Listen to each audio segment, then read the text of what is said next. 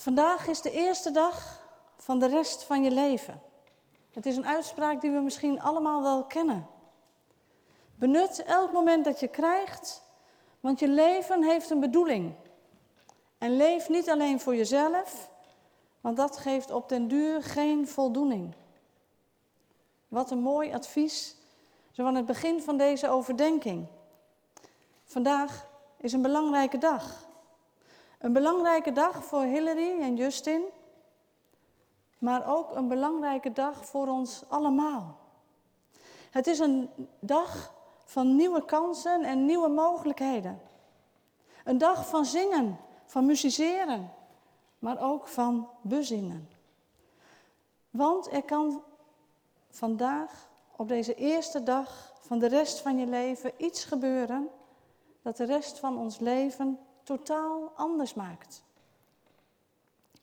We hebben vanochtend een voor velen bekend verhaal uit de Bijbel gelezen. En we hebben kunnen lezen dat er in de tijd van Noach de aarde door en door slecht was. Dat iedereen een verderfelijk leven leidde. En de mensen gaven geen ruimte aan God. Boosheid, onrecht en eigenbelang waren aan de orde van de dag. Met als het gevolg dat de mensen onder de voet werden gelopen en werden vertrapt.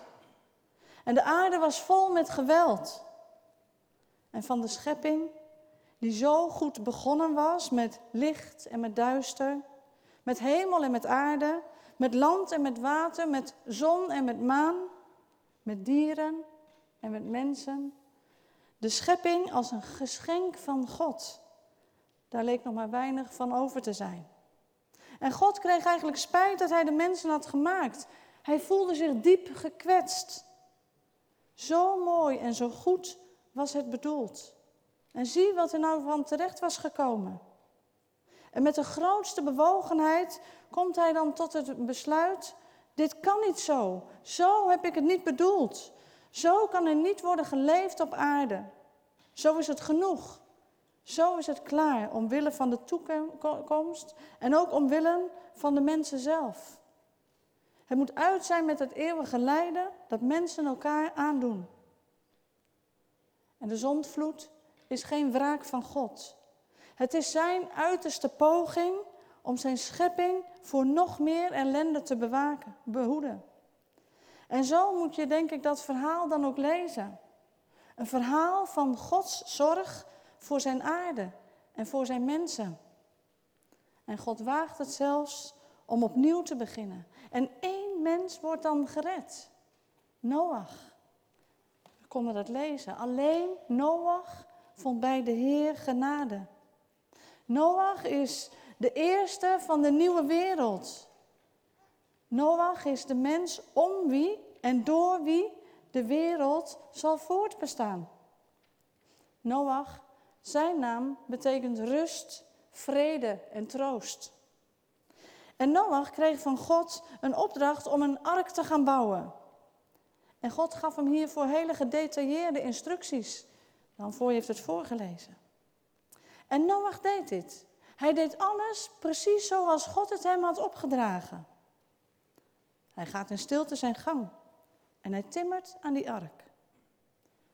Laten we het vanaf nu even zijn bewaarkist noemen.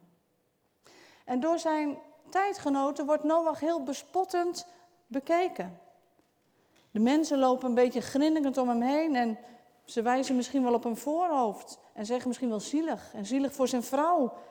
En sommigen zullen misschien gezegd hebben, doe toch niet zo somber man.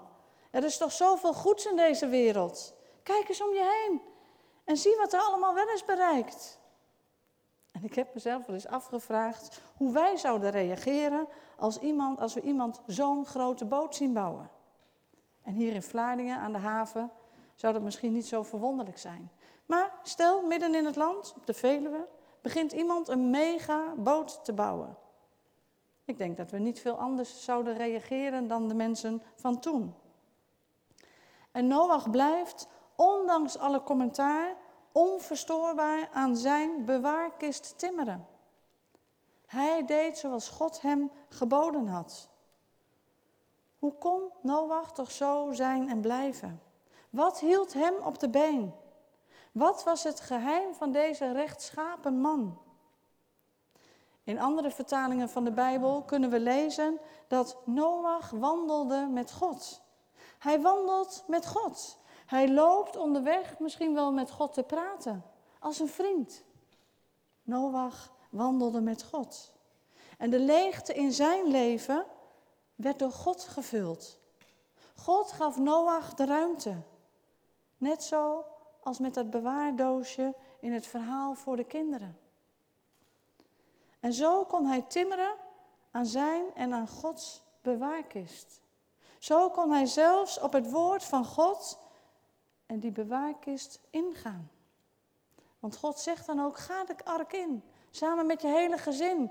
Want ik heb gezien dat jij als enige van deze generatie rechtschapen bent. Wandelen met God. In de directe nabijheid van de Heer. In verbondenheid met God, zegt de nieuwe Bijbelvertaling. Noach leidde een voorbeeldig leven in nauwe verbondenheid met God. Noach gaat met God in zee en God gaat met Noach in zee. En toen de stormen kwamen, bleef Noach met zijn hele huis veilig in die bewaarkist.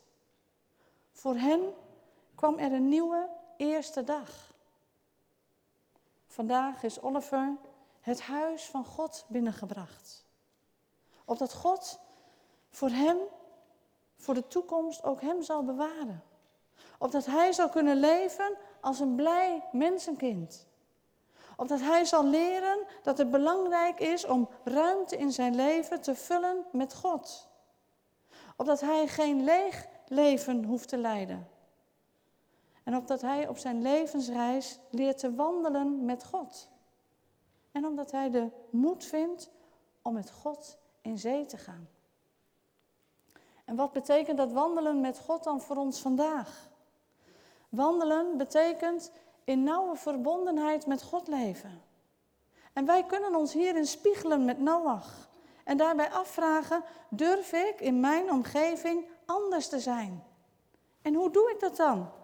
Dat wandelen met God in een wereld die veel overeenkomsten heeft trouwens met die wereld van Noach. Hoe wandel ik met God? Hoe leef ik anders? Wat onderscheidt mij van die ander? Waaraan ontleen ik mijn identiteit? En veel christenen zullen onomwonden zeggen aan Christus. we komen daar straks nog even op terug. En bij Noach is er dan nog een ander punt. Dat nog veel sterker zijn identiteit en zijn levensstijl bepaalt. En dat is Gods genade. Noach was met zijn hele hart bij God.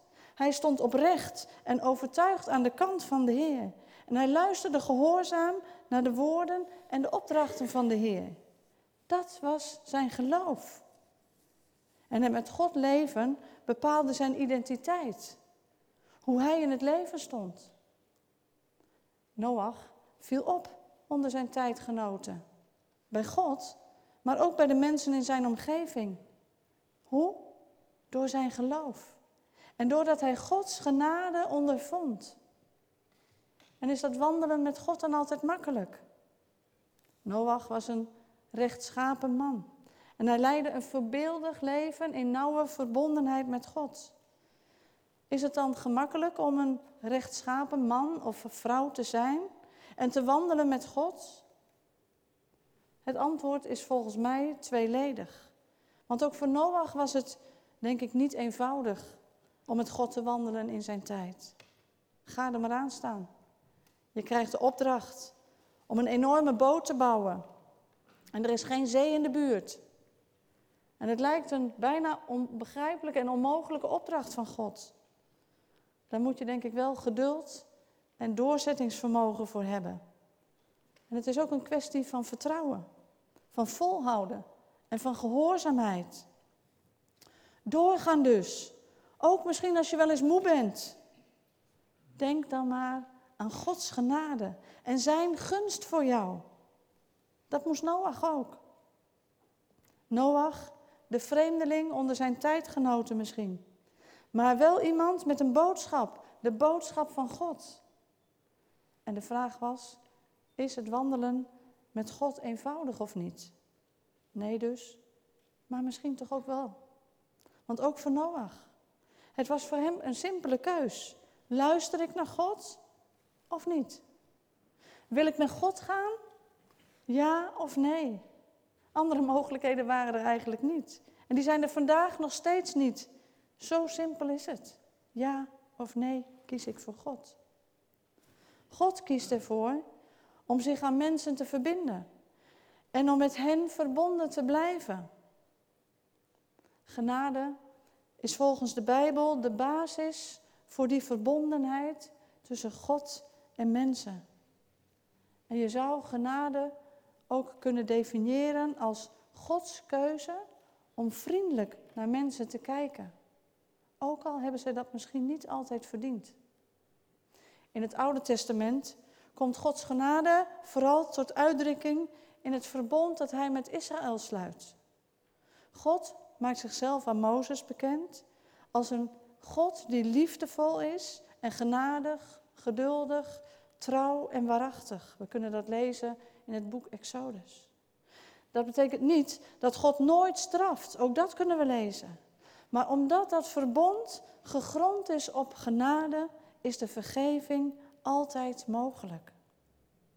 In het Nieuwe Testament wordt genade in verband gebracht met de vergeving die Jezus heeft gebracht. Meer nog dan voorheen is Gods genade daardoor voor iedereen toegankelijk. Door geloof in Jezus kunnen wij tot de Vader komen. In het Nieuwe Testament is het woord voor de gaven van de Heilige Geest afgeleid van het woord genade. Het woord dat staat voor genade. En de gaven die wij hebben, mogen dus ook worden gezien als een vorm van genade. Een geschenk van God. Genade. Een godsgeschenk voor iedereen. In zijn brief aan de Hebreeën noemt Paulus een aantal geloofshelden vanuit het Oude Testament. En over Noach schrijft hij het volgende. Door zijn geloof bouwde Noach, toen hem te kennen was gegeven wat er zou gebeuren, nog voordat dit voor iemand zichtbaar was, gehoorzaam een ark om daarmee, zijn huisgenoten te redden. Zo veroordeelde hij de wereld en verwierf hij de gerechtigheid die voortkomt uit het geloof. Het geloof heeft Noach behouden. En ook wij kunnen door geloof in God behouden worden. Geen mens ontkomt aan de stormen van het leven. En ieder mens maakt mee dat het donker wordt in zijn leven. En soms vraag je je misschien vertwijfeld wel eens af of het ooit weer licht zal worden. En ook al zal je misschien je kind daarvoor willen behoeden, je kunt dat niet altijd. Het enige dat wel kan, is dat je timmert aan je geloof. Dat je timmert aan je eigen redding en aan je eigen bewaring. Want dat is wat Noach doet. Zijn geloof kwam niet vanzelf. Nee, hij moest ervoor werken. Maar Noach deed meer. Hij begreep dat God alleen maar redden kon als hij God volledig zou vertrouwen. Als hij zijn leven volledig aan God zou geven. Vandaag is de eerste dag van de rest van ons leven. De genade van God is voor ons allemaal. Het is een geschenk dat we met beide handen mogen aannemen. Willen wij in ons leven ruimte maken voor God? Het geloof kan ook u, kan ook jou behouden. Vandaag is de eerste dag van de rest van ons leven. Een dag waarop we de vrede door God gegeven, door ons ontvangen mag worden. Een dag waarin de ruimte in ons leven opnieuw door God kan worden vervuld en worden gevuld. Genade, een godsgeschenk, zijn ook de gaven die we hebben ontvangen en waarvan we mogen uitdelen tot Zijn eer. Vandaag is de eerste dag van de rest van je leven. Laat het een goede dag zijn. Een dag van een nieuw begin. Amen.